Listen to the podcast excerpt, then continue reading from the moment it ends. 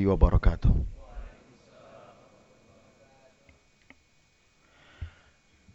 Alhamdulillah.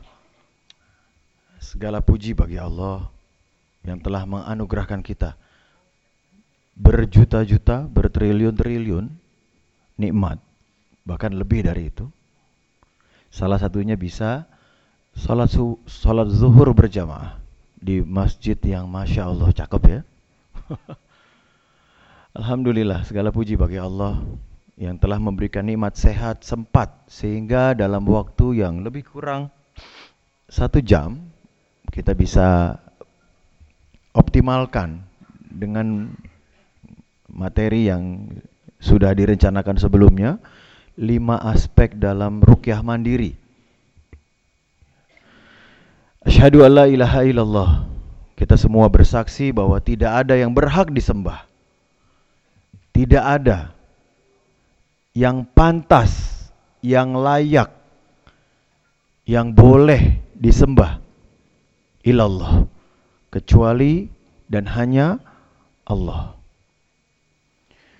Wa asyhadu anna Muhammadan abduhu wa rasuluh dan kita semua bersaksi bahwa Nabi Muhammad sallallahu alaihi wasallam adalah hamba Allah yang punya kewajiban seperti kita, salat zuhur, pada waktu salat zuhur, pada waktu bulan Ramadan, wajib beliau untuk puasa Ramadan. Beliau wajib haji sebagaimana Kiai Haji Redi dan kita semua wajib haji bila mampu. Sama abduhu hambanya menyembah kepadanya, beribadah kepadanya. Wa ma khalaqtul jinna wal insa illa liya'buduni kata Allah.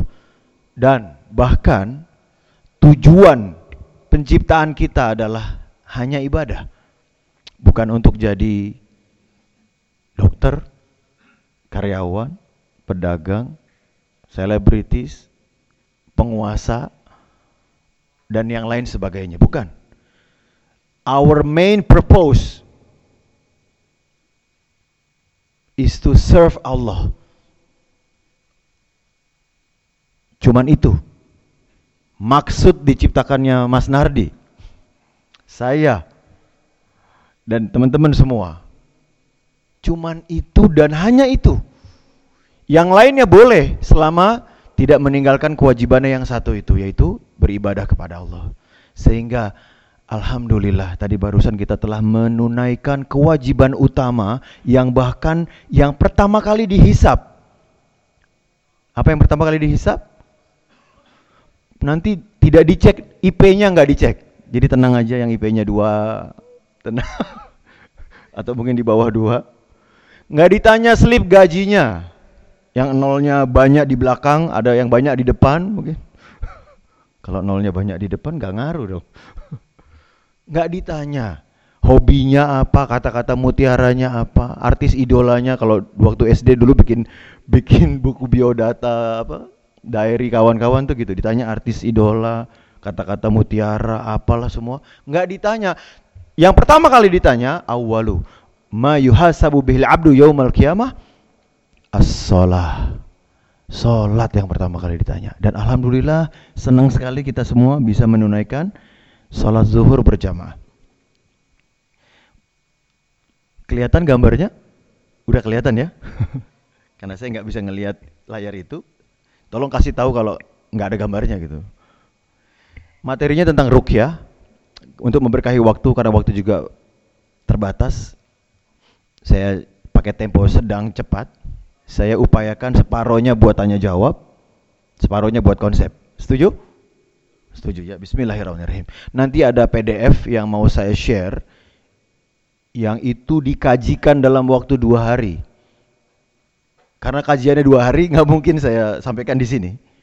Tapi itu kajian dari training yang diselenggarakan oleh Asosiasi Rukiah Syariah Indonesia. Saya lulusan di sana, alhamdulillah, dan materinya dua hari untuk teorinya aja. Tapi nanti saya kasih ke DKM untuk di-share seluas-luasnya free ya. Baik, rukyah syariah. Rukyah itu artinya doa. Rukyah artinya tidak kesurupan, tidak. Jadi Anda tenang, boleh senyum? Nah, kalau nggak senyum khawatir kesurupan. tenang, rileks. Rukyah itu artinya doa. Yang tadi pagi A'udzu bikalimatillahi tammah min kulli syaitani wa hammah wa min kulli ainin lamah. Itu sudah merukyah dirinya. Yang tadi pagi Bismillahilladzi la yadhurru ma'asmihi syai'un fil ard wala fis sama wa huwa samiul alim. Itu sudah merukyah dirinya. Yang tadi pagi baca ta'awudz basmalah al-ikhlas tiga kali, al-falak tiga kali, an-nas tiga kali. Atau yang malam-malam sebelum tidurnya membaca itu ditiup lalu diusap itu sudah merukyah dirinya. Dalam bentuk rukyah satu wajah disebut isti'adzah. Jenis rukyah untuk protection. Protection, perlindungan. Bagaimana dengan rukyah pengobatan? Mirip, tapi nanti akan saya share sedikit ya. Syariah artinya sesuai dengan syariat Islam. Ini kata kunci. Kenapa? Rukyah itu doa, doa itu ibadah berarti hanya dan hanya kepada Allah dan nggak boleh melakukan sesuatu yang bertentangan dengan Allah dan Rasulnya. Syariah sesuai syariat. Syariatnya siapa? Syariatnya Allah, syariatnya Rasulullah, syariatnya Islam. Kenapa? Karena di masyarakat ada rukyah syariah plus. Plus saya sebut apa? Dunia paranormal. Plus akidah ini begini, ini begitu yang sumber rujukannya bukan dari Quran dan Sunnah. Nanti khawatirnya ada penyimpangan-penyimpangan. Ada juga yang syarat-syaratnya menyelisihi syarat-syarat syariat. Contoh, ada di BSD seorang laki-laki ketemu saya, ya hubungi saya, Pak Ustadz, istri saya dibawa ke perukyah. Kok di sana disuruh mandi? Lalu dimandikan langsung oleh ustadznya. Mohon maaf, pakai baju nggak Pak? Enggak Innalillahi wa inna ilaihi. Bapak baru ketipu, Pak. Tapi dia bilang rukyah syariah. Apakah semua orang yang bilang saya rukyah syariah terus langsung percaya? Sepolos itu orang Allahu Akbar. Atau dikasih benda-benda tertentu yang katanya buat protection harus ditebus dengan sekian juta atau dikasih mahar 500 juta supaya dikasih khodam yang mengusir sihirnya apakah itu rukyah syariah? No mohon maaf, tapi kalau materi yang kami pelajari di Asosiasi Rukyah Syariah Indonesia itu semua nggak boleh tercampur dengan sesuatu yang luar dari luar syariat. Jadi nggak ada benda-benda tertentu. Nggak ada kalau mau rukyah harus nyembelih ayam cemani dulu. Nggak ada. Tapi kalau di tempat lain, ya itu kan mereka mereka juga menggunakan nama rukyah syariah. Saya tidak menuduh siapa pun, tapi hati-hati aja ya karena ini zamannya dikit-dikit hate speech. no, maksud saya bukan itu. Maksud saya gini, saya mendengar melihat kenyataan orang terjerumus dalam sebuah kubangan. Ada di jalan ini perumpamaan ya, di jalan raya ada geroak atau tanah rusak yang motor masuk, mobil masuk, ada yang meninggal, ada yang patah, ada yang luka. Lalu saya yang tahu saya diam. Itu dosa. Sehingga saya butuh bilang, jangan hati-hati, itu bahaya. Kurang lebih metaforanya seperti itu. Yang saya lakukan saat ini bukan mau menghina mereka yang melakukan itu, tapi tujuannya lebih ke penyelamatan. Hati-hati yang begitu, karena yang begitu bukan dari syariat kita. Karena betapa banyak orang yang merasa sakti, merasa keluar dari pertapaannya di mana gitu, terus merasa ngerti rukyah. Tapi tidak tergabung atau tidak lulusan dari program sertifikasi perukah yang diakui di Indonesia. Khawatirnya menyimpang.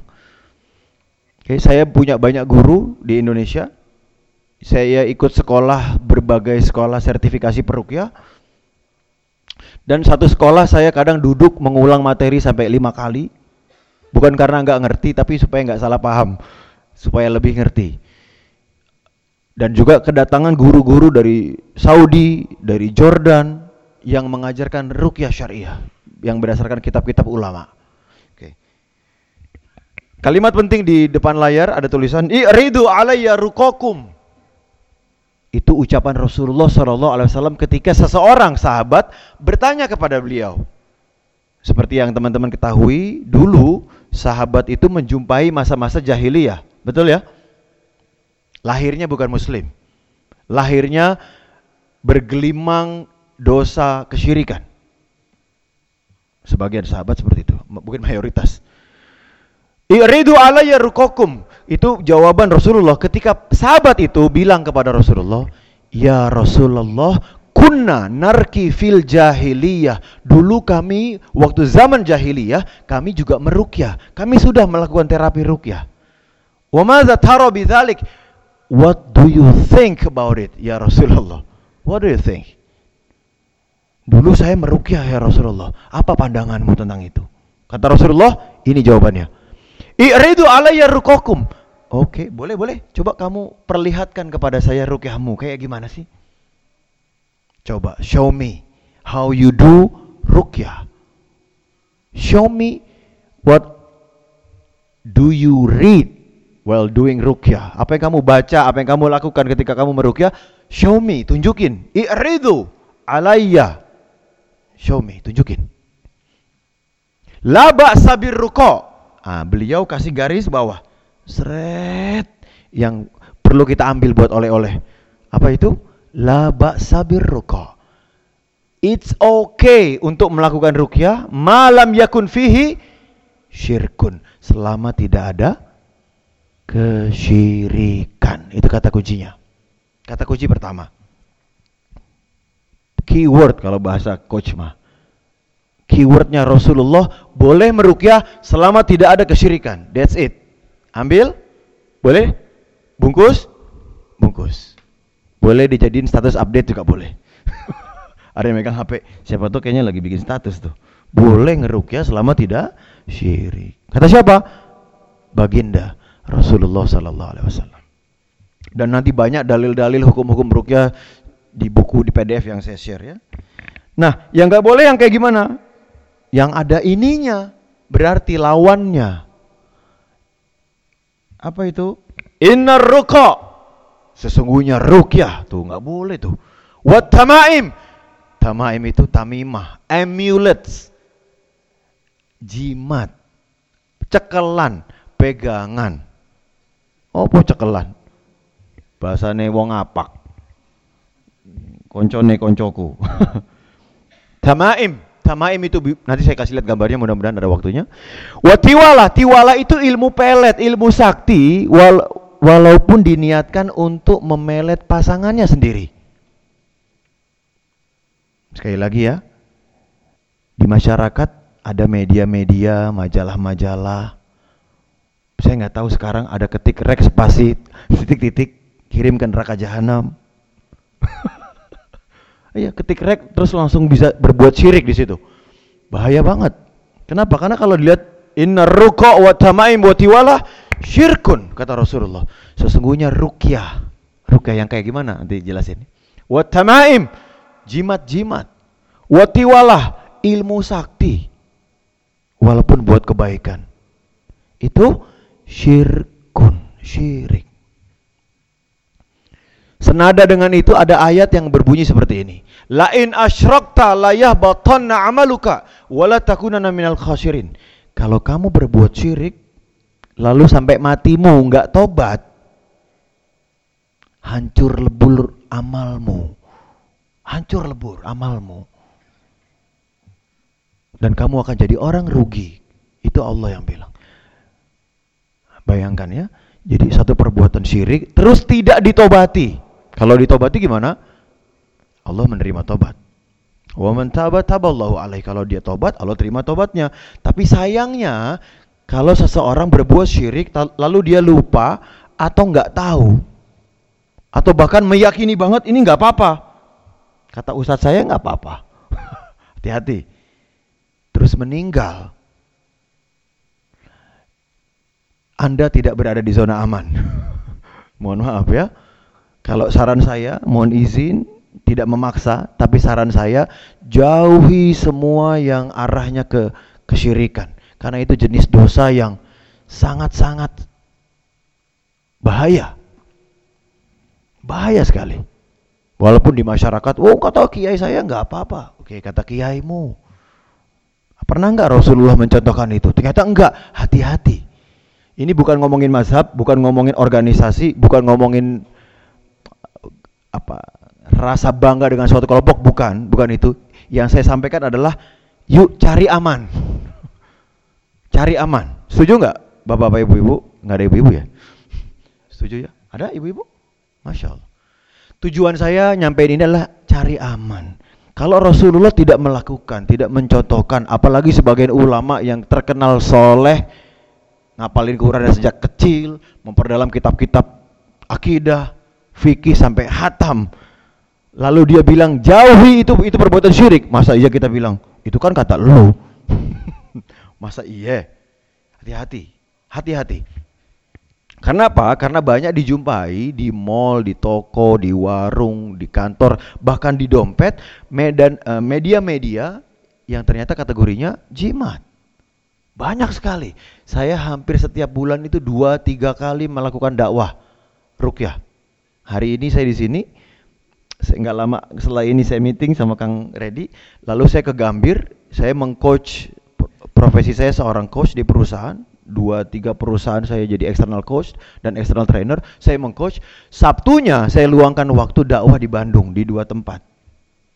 Free gratis. Itu hampir selalu always nggak pernah never. Wow, hampir selalu always nggak pernah never. Nggak ketemu yang namanya jimat itu nggak pernah selalu ketemu artinya apa artinya banyak banget di masyarakat belum tahu Padahal ini Inna ruqa wa tamaim wa tiwala syirkun. Sesungguhnya rukyah, rukyah di sini rukyah jahiliyah, rukyah yang di dalamnya ada kesyirikan. Tami, tamimah, tamaim artinya tamimah, artinya jimat-jimat. Apa pun yang diyakini bisa memberikan manfaat, menolak mudorot, mau dipakai, dioles, diminum, kayak jaket, kalung, gelang, apalah tulisan-tulisan nggak jelas taruh di dompet Lalu meyakini itu bisa menjadi perantara. Bukan sebab aja, perantara aja. Itu sudah syirik asghar. Kalau meyakini itu sebagai sebab, syirik akbar. Syirik akbar mengeluarkan pelakunya dari Islam. Apa enggak ngeri? Kan cuma syirik asghar. Lah, syirik asghar itu dosa paling besar. Lebih besar dari zina. Lebih besar dari riba. Itu syirik asghar. Masa cuma bilang itu kan syirik asgor, jangan ya. So itu itu rukyah itu uh, boleh selama tidak ada kesyirikan. Lalu apa lima hal sebelum masuk ke sana ada tiga ijma ulama untuk melakukan rukyah. Yang pertama dengan firman nama dan sifat Allah. Jadi boleh dengan Al-Qur'an dari Al-Fatihah sampai An-Nas. Boleh dengan Asmaul Husna, boleh. Misalnya Ya Arhamar Rahimin, Ya Syafi, sembuhkanlah. Boleh. Ya Hafiz, jagalah. Boleh. Boleh. Kemudian yang kedua dengan bahasa Arab atau bahasa lain, bahasa Sunda, Jawa, Betawi, Kalimantan, Soviet, Amerika, apa pun itu. Selama dipahami maknanya dan maknanya tidak syirik. Kalau maknanya aja Anda nggak paham, saran saya be a safety player. Don't do that tinggalin. Kenapa? Banyak orang Jawa begitu dilihatin huruf Jawa juga nggak bisa bahasa itu kok, nggak bisa bacanya, betul? Ada yang dia dengar suatu kalimat katanya doa, begitu dibaca dia sendiri nggak ngerti artinya. Saran saya nggak usah lah, untuk cari aman maksudnya. Yang ketiga, meyakini bahwa rukyahnya itu bermanfaat kalau Allah yang berkuasa. Artinya kalau dapat izin dari Allah, Allah lah yang menyembuhkan, bukan si ustadz perukyahnya. Sehingga materi hari ini adalah lima aspek dalam melakukan rukyah mandiri. Saya lanjut ya, biar ada kesempatan untuk tanya jawab. Bapak Ibu yang dicintai Allah, yang saya cintai karena Allah, tidak ada niat saya menyampaikan ini kecuali satu, agar Bapak Ibu makin diri dari Allah. Itu. Amin ya rabbal alamin. Mohon maaf ya kalau ada perbedaan. Saya berguru ke, banyak pakar-pakar rukyah Indonesia dan luar negeri.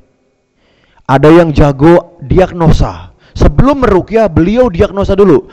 Bisa sejam, dua jam, bahkan setengah hari mendiagnosa. Apa yang diagnosa dari mulai lahir sampai hari ini? Ceritakan. Cerita dia. Lalu dia tulis data. Seret. Setelah selesai, di datanya dikasih, oke. Okay, yang mau dirukyah bagian yang mana? Ini ada poin-poin kemungkinan gangguan. Wow. Ahli melakukan diagnosa. Ada guru saya yang metodenya itu kuat sekali mengajak orang hijrah. Minazulumat ilan nur. Yang tadinya pemarah, tobat, ayo jadi pemaaf. Yang tadinya pelit, ayo sedekah. Yang tadinya tukang marah-marah, ayolah lembut mulai hari ini. Pokoknya metodenya apa? Ngajak hijrah. Banyak yang sembuh, banyak. Artis-artis sembuh, disuruh hijrah. Gay, lesbi sembuh, disuruh apa? Disuruh hijrah. Yang ketiga, ada juga guru-guru saya yang mengutamakan bacaan. Pernah dengar istilah uh, nama majalah gaib? Dulu terkenal majalah gaib di di TV juga ada tayangannya. Itu guru-guru saya dominan sekali masalahnya akidah sama bacaan. Jadi kalau beliau merukyah pasti bacaannya panjang. Ya, ustadz-ustadz kita ada yang seperti ini. Ada guru saya yang dengan dakwah. Jadi begitu dia dakwah, dakwahnya dia niatin rukyah sehingga audiens dengerin dakwahnya aja mulai ada yang sendawa-sendawa, ada yang mohon maaf, bukan bukan Mas, bukan yang itu, batuk-batuk.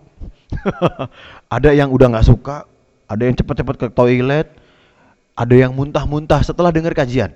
Jadi rukyahnya dengan gaya tausiah. Ada yang kelima, guru-guru saya yang rukyahnya itu dengan cara apa? Memperbaiki kondisi pikiran, perasaan, ucapan dan perbuatannya. Emosinya dijaga supaya emosinya happy, senang, rileks. Kenapa? Karena banyak fakta di lapangan orang kena gangguan gara-gara sedih yang berkepanjangan, depresi, Coba aja kalau udah depresi biasanya kesurupan, kan gitu. Kalau dia bisa jaga, dia happy, insya Allah nggak kesurupan. Sehingga sama saya lima ini saya ambil semua jurusnya.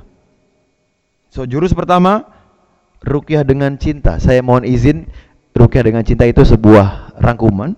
C-nya adalah cari akar gangguan. Cari akar gangguan. Apa yang bertentangan dengan Allah dan Rasul dan syariat Islam Cari, silakan tulis. Anda boleh lakukan ini di rumah. Anda bisa diagnosa semua. Ambil kertas, lalu Anda tulis semua apa yang bertentangan dengan Allah, Rasul, syariat Islam yang pernah dilakukan atau masih dilakukan. Tulis terus semua. Oke, harta, ada harta haram, ada. Pernah terpapar kesyirikan? Pernah. Apa aja kesyirikannya? Pernah belajar ilmu sakti? Pernah. Apa aja ilmu saktinya? Pernah terpapar pornografi? Tulis. Pernah dendam, nggak mau maafin orang lain. Pokoknya cari di diri kita yang sifatnya Allah Rasul nggak ridho. Tulis semua itu. Itu materi pertama. C. Cari akar gangguan, akar masalah. Pernah pakai jimat, jimatnya apa aja, tulis. Pernah ke paranormal kayaknya berbuat syirik, tulis nama-namanya. Setelah khatam, setelah selesai diagnosa, ya, lakukan I.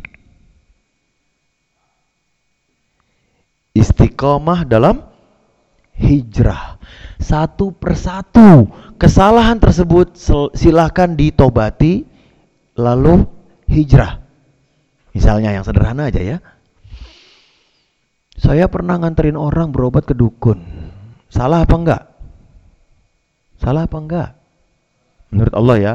Kalau menurut dukunnya enggak salah. Kalau menurut Allah salah. Ya udah tobati. Ya Allah, saya tobat. Dulu pernah nganter karena saya enggak tahu ya Allah.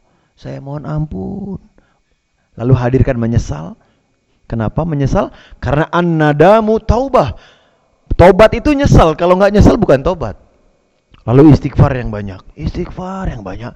Lalu mulai hari itu tidak pernah lagi ke dukun ngantar orang ke dukun. Itu baru satu hal. Pernah belajar ilmu bela diri, Saya saya beberapa saya menangani beberapa atlet pon, atlet-atlet profesional silat. Tahu nggak? Diisi dulu kalau mau tarung, bayangin. Sehingga ketika saya baca Quran, minasyaitonir atlet ponnya kayak gini. Ya Allah, kasihan. Begitu saya udah dalam state mau ya, baru baca asyhadu alla ilaha illallah. Itu atlet itu. Mohon izin kalau Anda belajar rukyah, eh belajar silat, bela diri, pilih yang aman-aman aja. Jangan pakai ritual-ritual aneh-aneh. Mohon izin ini ya dalam rangka jangan sampai anda terjerumus kesyirikan dan malah ketumpangan macam-macam akhirnya rumah tangga juga hawanya tempur mimpi buruk nah dan banyak lagi keburukan yang lain mohon izin saya cuma menjaga agar anda tetap sehat walafiat sampai husnul khotimah Ya, jangan marah ya. Karena sebagian nggak terima kalau dibilang, waduh. Oke, yang kedua, istiqomah dalam hijrah. Maksiat apa pun yang pernah dilakukan masa lalu atau bahkan yang sampai hari ini dilakukan, itu pintunya. Karena kalau Allah Rasul nggak Allah nggak ridho, pasti setan ridho. Dan setan sudah bersumpah dalam surat Al-A'raf ayat 17, ayat 16 dan 17. Yang pertama, fabima aghwaitani laqudana lahum siratal mustaqim. Karena engkau telah menyesatkanku, akan aku halang-halangi hamba-hambamu ini, termasuk jamaah MTXL. Dari jalanmu yang lurus katanya iblis seperti itu. Dia sudah bersumpah kepada Allah untuk menghalangi kita dari jalan Allah. Itu sudah sumpahnya iblis. Yang kedua, ayat 17. Summa la'atyanahum min baini aidihim. Kemudian aku kepung, aku incer, aku kejar dari depan. Wa min khalfihim wa an aimanihim wa an syama'ilihim kita dikepung. Akan digoda, diganggu supaya kita nggak sukses, supaya kita nggak lulus.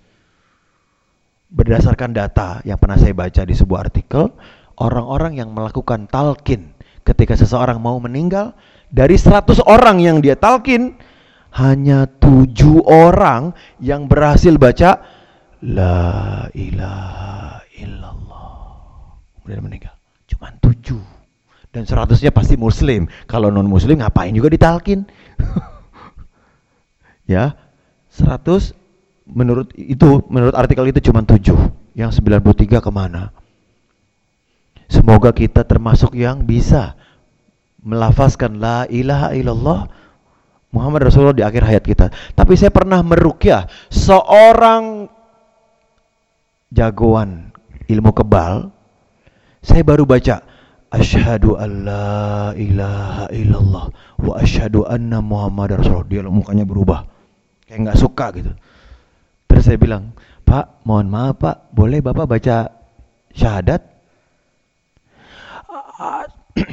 Ash, ash. Loh, biasanya bisa Ustaz. Di depan perutnya aja nggak bisa. Ash, ash, ash dia merasa lehernya dicekek. Dan memang sering mimpi, dalam mimpinya dicekek sama monster. Pertanyaan saya sederhana. Siapa yang ingin ketika akhir hayatnya merasa pede banget pengen baca la ilaha illallah begitu di, mau baca dicekek lehernya karena ilmu-ilmu sakti yang pernah dipelajarinya dulu nggak ridho kita baca syahadat siapa yang mau ada nauzu billahi min salik. Tapi ini yang terjadi. Boleh lihat di depan ini sebuah video. Ini video di Indonesia. Orang melakukan ini ilmu sakti. Lalu seorang syekh mendekati dia dan cukup baca A'udzu bi kalimatillahi tammah min kulli syaitani wa hammah wa min kulli aini lamah terus ditiup. Huh. Apa yang terjadi? Saksikan. سحر حقيقي يعني لكن شوف الاسبوع ده بعد ربنا يختصر بايه كلا العكاكيز شل اي حاجه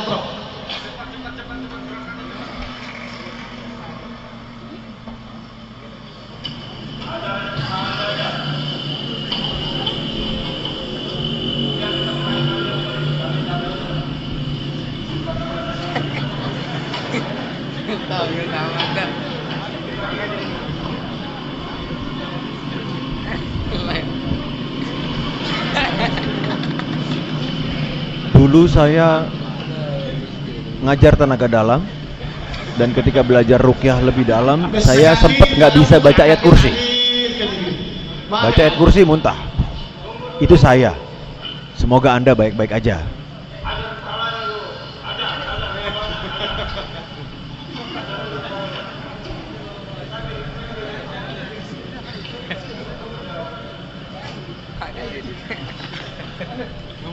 بالسكاكين بكل شيء ما في طريقه بالبلدوزر ما تقدر تعمل حاجه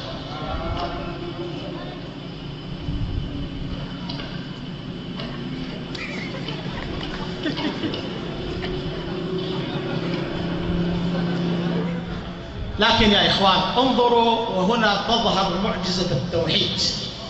وتبطل السحر ولا يفلح الساحر حيث اتى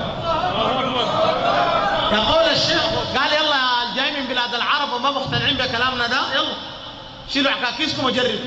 الشيخ عادل قال ما محتاجين له عكاز ولا أي حاجة بس وقفوا لنا زلكم النبي أعيذك بكلمات الله التامة من كل شيطان وهامة تفتفل على الزول طار زي ورقة العشر شوف المشي كيف.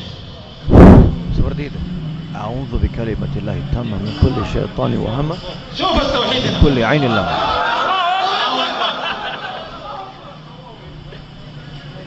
لا راجع تاني الواحدة ما كفت. الله أكبر.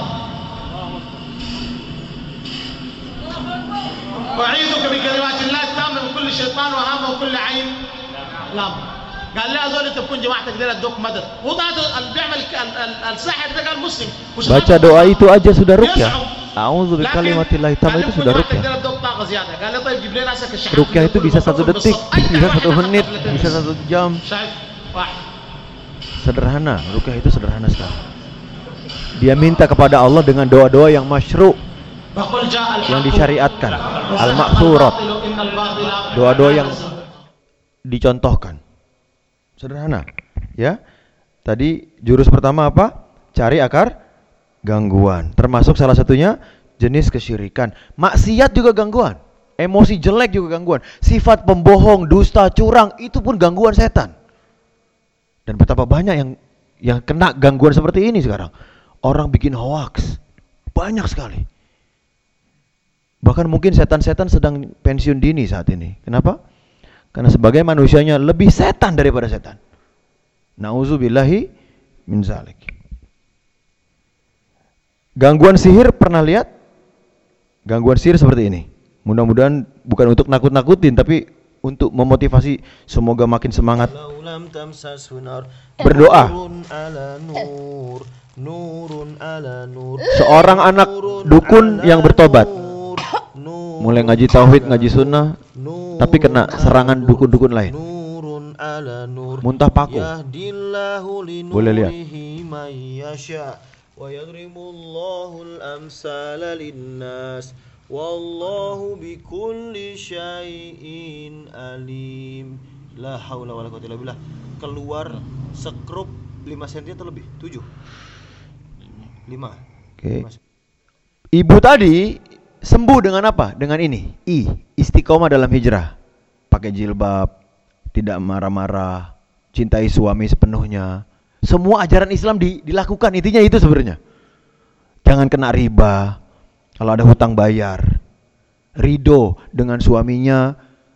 Eh, walaupun ya punya banyak kekurangan mungkin. Dan kita sebagai suami laki-laki ridho dengan istrinya kalau enggak hati-hati. Pintu-pintu setannya kebuka di situ. Siap-siap ribut dan berujung ya gangguan-gangguan setan.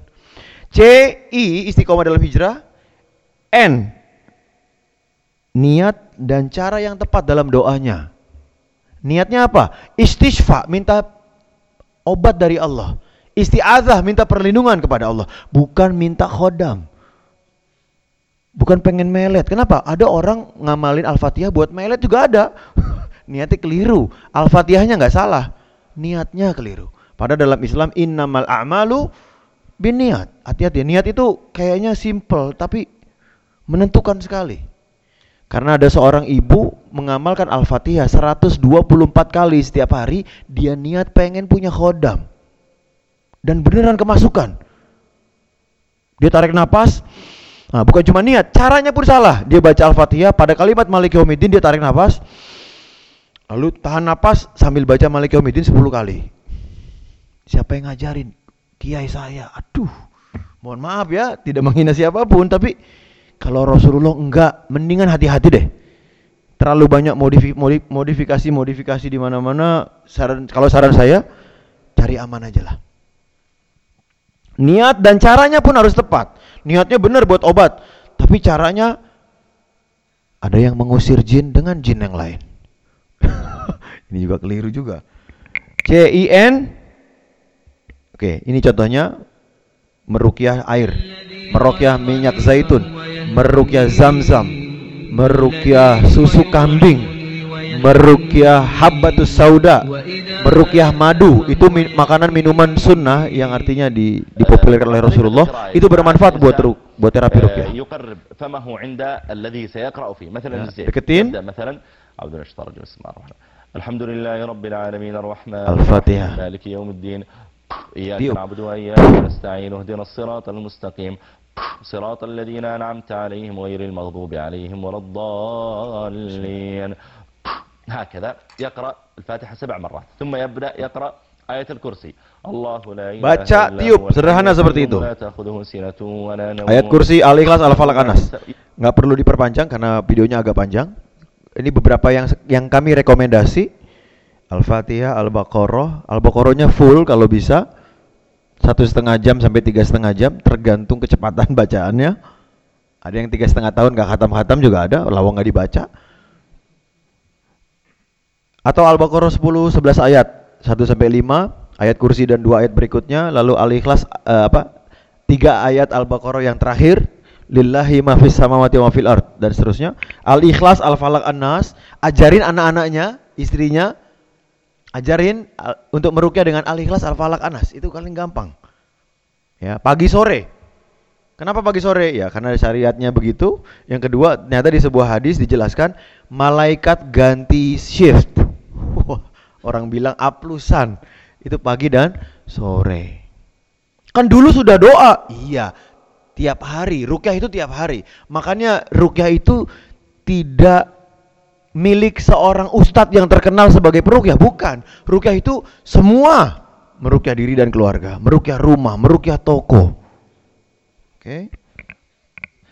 Tadi C I N kemudian T.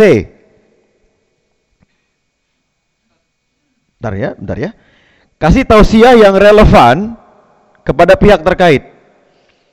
Setelah didiagnosa, ketahuan titik lemahnya orang ini emosi, ya kasih tausiah seputar emosi. Oh anak ini dia durhaka sama orang tua, kasih tausiahnya berbakti pada orang tua. Karena obatnya itu, obatnya adalah mela- melakukan, mengamalkan syariat yang dia tinggalkan. Dia kena riba, obatnya apa? Tinggalkan riba. Dia terpapar pornografi, obatnya apa? Tinggalkan pornografi. Dia emosinya marah-marah terus. Al ghadabu minasyaiton, marah-marah dari setan. Obatnya apa? Tinggalkan marah-marah. Jadi orang pemaaf. Terlalu kaku, gampang stres. Jadi agak lucu dikit lah. relax, santai, ngopi dikit, goes apa kek supaya relax itu. Jadi jangan kaku-kaku amat. Karena kalau enggak, masih sering kaku, masih sering gampang tersinggung, gampang kena pintu-pintunya gampang kebuka. C I N T tausiah yang relevan, yang pas kepada pihak terkait. Kalau dia seorang istri, kasih juga tausiah kepada suaminya. Kenapa? Istri kena gangguan sering kali gara-gara kelakuan suaminya. Seorang suami stres, kasih juga nasihat kepada istrinya. Demikian juga kalau anak stres, orang tuanya mungkin kasar atau orang tuanya stres, mungkin anaknya yang kurang berbakti. Jadi kasih nggak cuma ke orang yang sakit tapi sekitarnya. Dan yang terakhir bukan cuma ke manusianya. Kasih tausiah kepada kepada jinnya. Caranya gimana? Gini. Kalau saya datang ke sebuah hotel, kayak saya nih misalnya nginep di Bandung atau besok ke Jogja ke mana, dalam profesi saya saya sering keluar kota, luar negeri. Nah, ketika saya masuk kamar hotel, saya doa, saya berlindung pada Allah, lalu saya kasih tausiah seluruh makhluk Allah yang ada di sini, kalau belum Islam silahkan masuk Islam, ikuti ajaran Islam, bertauhid kepada Allah, ikuti sunnah Rasulullah. Kalau kalian sudah Islam, jadilah jin yang baik, tidak boleh mengganggu. Tausiah. Artis ada yang kena santet. Saya ajarin caranya, rukyah dengan tausiah. Alhamdulillah. Cuman sekali pertemuan dia belajar, dia ketika dia kalau mimpi mimpinya jelek, diserang macam-macam, dia tausiahin jinnya. Alhamdulillah sembuh. Artis saja bisa, apalagi jamaah masjid MTXL. T. Tausiah yang relevan dan yang terakhir Selama merukyah lakukan dengan penuh adab, adab yang santun, jangan dengan mengamuk, marah, songong, bahkan ngancem-ngancem. Jin, lu kalau nggak keluar gue bunuh. Itu kalimat-kalimat seperti kalimat-kalimat ancaman bahaya. Ya, betapa banyak perukyah-perukyah yang kena serangan balik gara-gara ketika ngerukyah dia marah, dia sombong, dia nyiksa, bahkan senangnya tuh dengan dengan cara-cara yang menyiksa. Ditusuk-tusuk lah, disayat-sayat lah, digorok-gorok lah. Saran saya jangan, karena jin itu juga makhluk Allah. Jangan nggak nggak mungkin ada cara Rasulullah SAW dengan cara zolim itu nggak ada. Jadi kalau rukyah syariah pastikan juga caranya yang santun seperti caranya Rasulullah Shallallahu Alaihi Wasallam. Nggak usah mencak-mencak, ini syirik ini nggak usah, agak kalem aja, jangan ngegas. Mungkin dia nggak tahu. Ingetin baik-baik, Bu, ini bahaya, nggak boleh sama Rasulullah. Ya, baiknya ibu tinggalkan ya. Kayak begitu aja lembut bawanya. Kalau bawanya dengan cara kasar, khawatir malah membuat kerusakan di mana-mana. Oke, semoga Anda bisa mengamalkan lima aspek dalam rukyah mandiri. C, pertama, sebelum Anda lakukan rukyah, pastikan Anda lakukan diagnosa. Cari akar gangguan, penyimpangan apa yang Anda lakukan yang kita lakukan. Yang kedua, kalau udah ketahuan penyimpangannya, hijrah dengan istiqomah. Terus hijrah. Hijrah nggak akan pernah selesai sampai ajal menjemput. I, lalu baca doa-doa yang disyariatkan. Apa pun itu yang mudah-mudah, Al-Fatihah, Al-Ikhlas, Al-Falaq, An-Nas. Lalu kasih uh, maaf tadi N ya. Niat dan cara yang tepat, C I N. Lalu kasih tausiah, tausiah buat orangnya, tausiah buat keluarganya, bahkan tausiah kepada bangsa jinnya. Ya. Yang terakhir, lakukan dengan santun, dengan adab, rileks, santai, yakin, humble, penuh cinta, sayang kepada makhluk-makhluk Allah, bukan dengan gaya-gaya kasar, gaya-gaya sombong, jumawa, mungkin karena merasa udah belasan tahun merukyah terus gayanya jumawanya keluar. Nauzubillahi min zalik. Ya kenapa? Karena perukyah yang merukyah dengan marah-marah perukyahnya aja sudah butuh dirukyah iya dia sendiri sedang nggak sadar bahwa dia sedang dalam emosi jelek. Perukyah yang jumawa yang zolim itu dia nggak sadar lagi zolim. Dianya sendiri aja butuh disadarkan. Semoga yang sedikit ini Allah memberikan banyak manfaat. Ada waktu yang tersisa bagi yang mau masuk ke kantor mangga mau makan Silahkan, yang mau tanya jawab, tafadhol. Assalamualaikum warahmatullahi wabarakatuh. Seandainya ada loh, kalau nggak ada ya nggak apa-apa. Mangga Kang. Waalaikumsalam warahmatullahi wabarakatuh.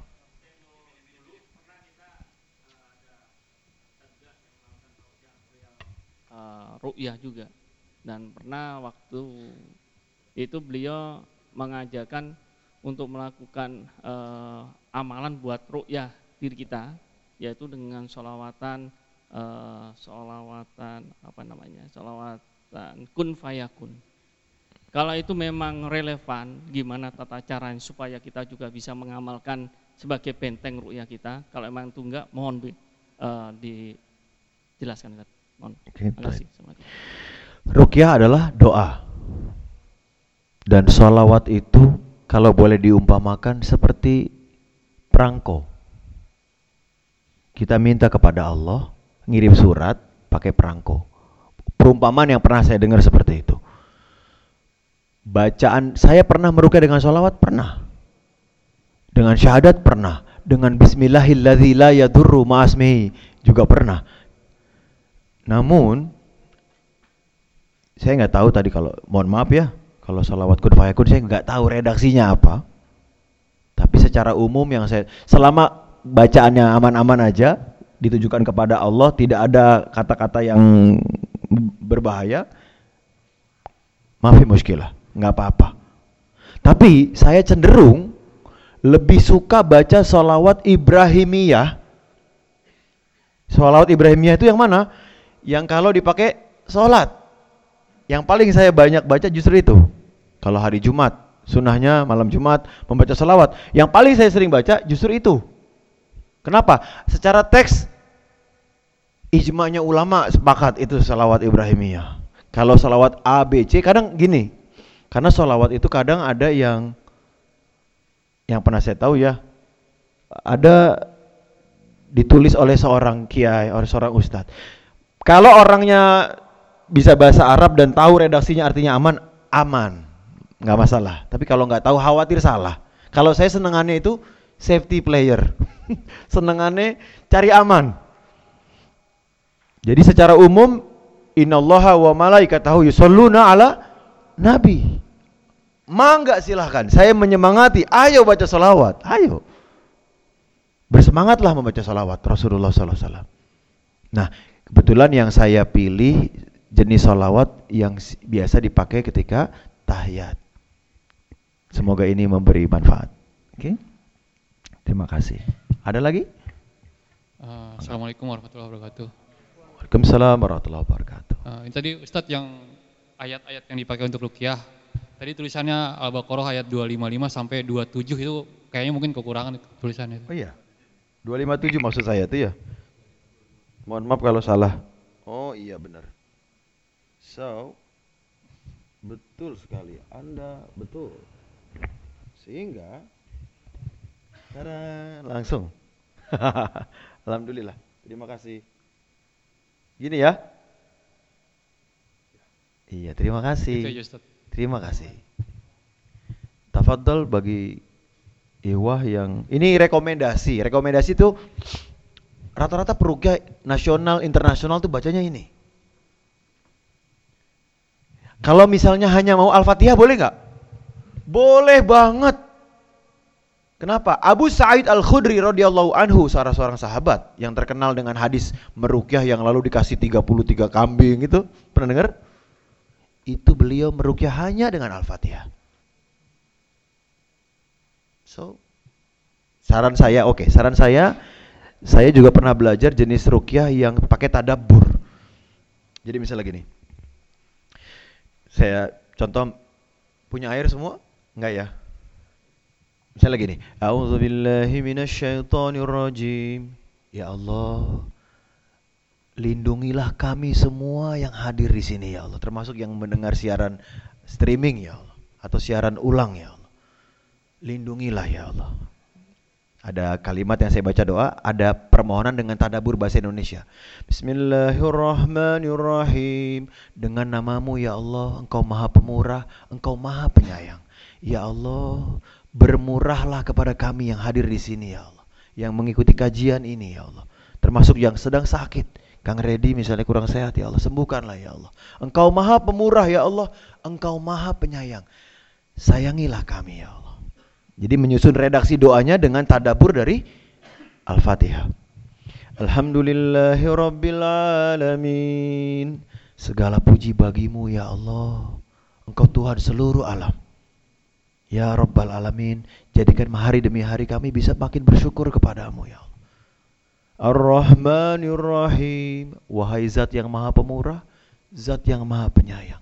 Bermurahlah dan sayangilah kami semua ya Allah. Maliki yaumiddin.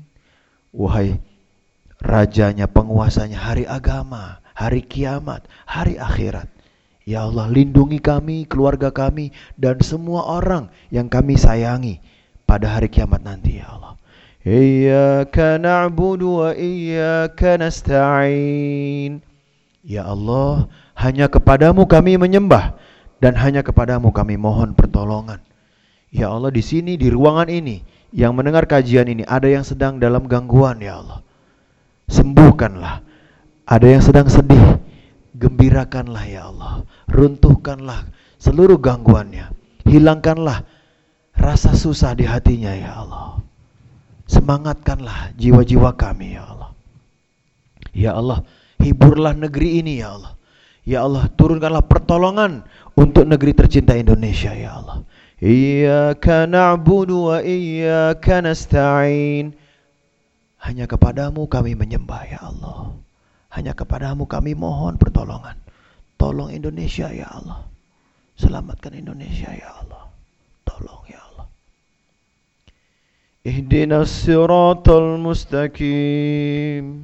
Berikanlah petunjuk jalan yang lurus ya Allah. Agar yang menyimpang dari jalanmu sadar ya Allah. Agar yang belum Islam jadi Islam. Yang belum bertauhid jadi mencintai tauhid di atas segala-galanya.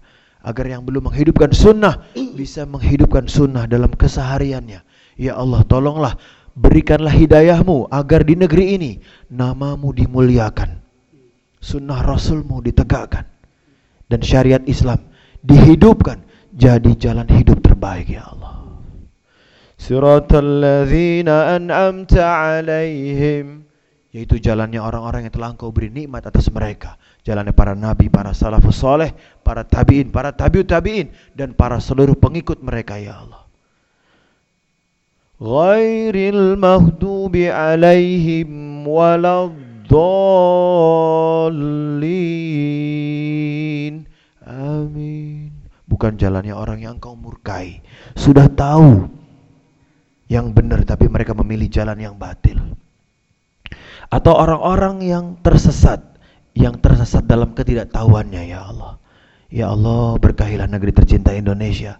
Jadikan hari demi hari kami dan seluruh sebanyak-banyaknya hamba-hambamu di Indonesia ini khususnya makin dekat dengan keriduanmu ya Allah. Dan ketika meninggal nanti bisa mengucapkan la ilaha illallah Muhammad Rasulullah. Amin ya rabbal alamin. Tadi contoh rukyah dengan cara tadabur. Salah satu yang ngajari saya Ustadz Batiar Nasir. Beliau pakar rukyah, cuman jarang jarang ketahuan sebagai pakar rukyah. Ya, banyak guru-guru besar di Indonesia, Ustadz Yusuf Mansur pun berukyah. Yang baru meninggal siapa? Ustadz Arifin Ilham, itu pembina pembina saya, pembina perukyah. Masya Allah banyak sekali. Jagoan-jagoan rukyah sebenarnya, tapi mereka nggak dikenal karena media nyorotnya angle-nya berbeda. Kalau saya, saya sebenarnya trainer, karyawan, terakhir di sini 4 tahun sebagai project manager sebenarnya. Kelihatan nggak sih project manajernya? Oh enggak ya. Tapi karena saya nge-host TV beberapa tahun jadi materi apa? Jadi host TV acara rukyah, orang kenalnya saya perukyah. Sehari bisa sampai 400 telepon minta di rukyah. Tapi saya bilang, saya bukan perukyah, saya saya ngajar di kajian atau di training, itu aja. Ya, jadi teman-teman jangan ngantri sama saya, jangan justru yuk belajar rukyah, dalami rukyah dan lakukan rukyah buat diri kita, keluarga kita. Semoga yang sedikit ini Allah berikan manfaat. Fadol kalau masih ada waktu. Assalamualaikum warahmatullahi wabarakatuh. Waalaikumsalam warahmatullahi wabarakatuh. Uh, di rumah itu ada Al-Quran kecil di atas ya. Saya sih nganggap itu bukan apa-apa itu. Tapi kata temen yang bisa dia bilang, itu nggak bagus deh kata dia. Sebaiknya saya diapain tuh atas Al-Quran itu. Oke. Kasih. Secara umum, Quran adalah Quran. Saya nggak tahu tujuannya. Kenapa tuh Quran dibikin kecil banget? Karena kalau buat dibaca, bisa nggak dibaca kecil banget? Kadang saya baca pakai kaca pembesar. Oke. Nah, Mungkin buat hiasan, buat syiar. Kita sangka baik ya, husnuzon kepada saudara-saudara kita yang lain. Tapi sayangnya Quran kecil sering dijadiin jimat oleh oknum. Sehingga kalau saya saya nggak mau rumah saya ada Quran itu. Tapi sekali lagi itu itu usulan saya. Sebaiknya saya apakan bakar atau diapain. Ya. Jangankan Quran kecil, Quran besar kalau sudah mohon maaf ya, sudah rusak, Hmm. dikhawatirkan malah tercecer, terinjak-injak. Hmm. Kita membakarnya dalam rangka bukan untuk menghinanya, bukan, tapi dalam rangka mencegah mudorot. Sekali lagi jangan sampai salah. Doa sama Allah, ya Allah saya bakar Quran ini niat saya supaya tidak tercecer dan tidak terinjak-injak, tidak disalahgunakan. Lalu bismillah bakar. Bakar Ya, di rumah aja. bakar di rumah. Oke. makasih, Kali dengan state bukan gua bakar nih, jangan. Karena bayangkan bercandain satu ayat aja bisa kafir. Apalagi niat penghinaan kepada satu ayat. Ini bukan satu ayat, satu Quran kan? Hati-hati. State-nya state bilang, makanya mohon sama Allah, ya Allah daripada tercecer bahaya untuk menghindari mudarat, saya bakar Quran ini ya Allah. Aman insya Allah. Sebagaimana Ka'bah itu pernah dihancurkan. Pernah dengar kisahnya, sirahnya? Ka'bah itu pernah dihancurkan, tapi doa dulu tuh yang ngancurin. Kenapa? Ya Allah ini ngancurin buat dipugar lagi, ya Allah direnovasi. Jangan-jangan ntar burung ababil pada datang nih. Kan gitu. Enggak, enggak datang burung ababil karena Allah juga tahu oh ini pengen dipugar, direnov. So aman. Ya, kayak kuran-kuran yang tercecer di pabrik-pabrik kuran juga dibakar. ya. Oke, mungkin silakan saya diserahkan kepada Anda. Waktu saya masih bisa sampai jam 2. Oke, Tapi jazakallah khairan. teman-teman mungkin sudah. Assalamualaikum. Oke, Waalaikumsalam warahmatullahi wabarakatuh. Cukup? Saya mah kumaha akang-akang we saya mah. Halas? Secara resmi, bukan dibuka ya, ditutup justru. Oke, karena waktu sudah menunjukkan pukul 1, secara ofisial kita tutup dengan doa kafaratul majlis. Subhanakallahumma wa bihamdika. ilaha illa anta astaghfiruka wa atubu. Bagi karyawan yang masih ada keluangan waktu atau mau konsultasi dipersilakan untuk ke depan atau bertanya. Tafadhol. Tutup ya. Assalamualaikum warahmatullahi wabarakatuh.